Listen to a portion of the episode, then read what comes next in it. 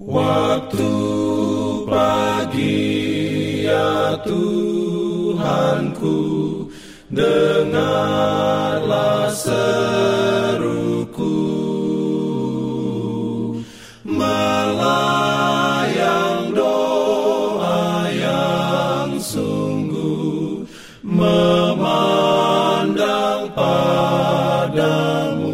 Selamat pagi pendengar Radio Advent Suara Pengharapan Mari mendengarkan suara Tuhan melalui tulisan pena inspirasi Yesus, nama di atas segala nama. Renungan harian 23 Januari 2024 dengan judul Obat yang ampuh untuk dosa.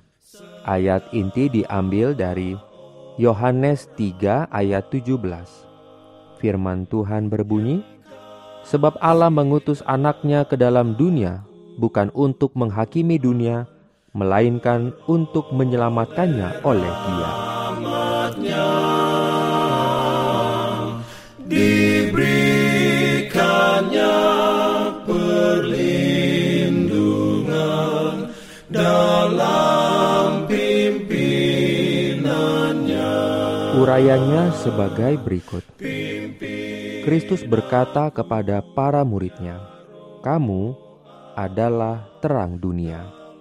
Sebagaimana matahari terbit di langit untuk memenuhi dunia dengan terang, demikian pula para pengikut Yesus harus memancarkan terang kebenaran kepada mereka yang meraba-raba dalam kegelapan kesesatan dan tahyul. Tetapi para pengikut Kristus tidak memiliki terang bagi diri mereka sendiri. Cahaya surgalah yang jatuh ke atas mereka yang akan dipantulkan oleh mereka kepada dunia. Terang kehidupan ditawarkan dengan cuma-cuma kepada semua orang. Setiap orang yang mau dapat dibimbing oleh sinar terang dari matahari kebenaran. Kristus adalah obat yang ampuh untuk dosa tidak seorang pun dapat beralasan atas keadaan mereka, pendidikan mereka, atau temperamen mereka sebagai dalih untuk hidup dalam pemberontakan melawan Allah. Orang menjadi berdosa adalah karena pilihan mereka sendiri yang disengaja. Juru selamat kita berkata, "Dan inilah hukuman itu: terang telah datang ke dalam dunia." Tetapi manusia lebih menyukai kegelapan daripada terang, sebab perbuatan-perbuatan mereka jahat. Sebab barang siapa berbuat jahat, membenci terang, dan tidak datang kepada terang itu, supaya perbuatan-perbuatannya yang jahat itu tidak tampak. Ketika tuntutan Allah disajikan, mereka yang mencintai dosa menunjukkan karakter sejati mereka dengan kepuasan yang mereka tunjukkan terhadap kesalahan dan kekeliruan orang-orang yang mengaku Kristen. Mereka digerakkan oleh roh yang sama dengan Tuhan mereka, setan, yang Alkitab nyatakan sebagai penuduh saudara-saudara.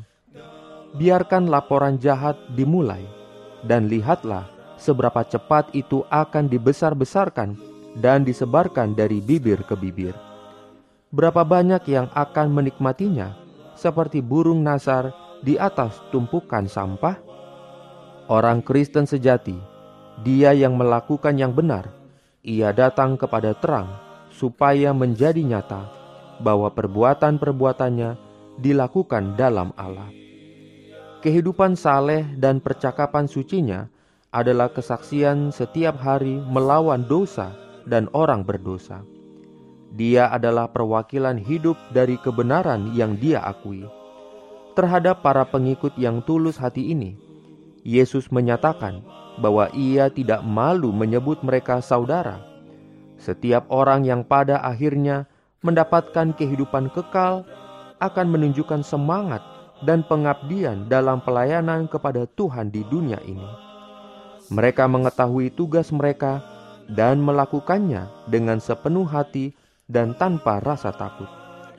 Mereka mengikuti cahaya yang menyinari jalan mereka, terlepas dari konsekuensinya.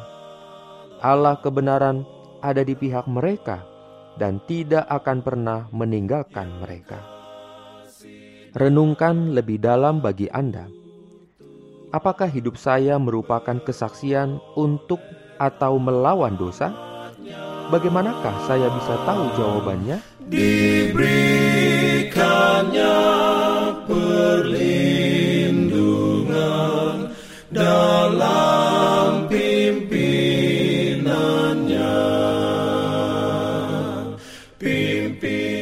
Jangan lupa untuk melanjutkan bacaan Alkitab sedunia.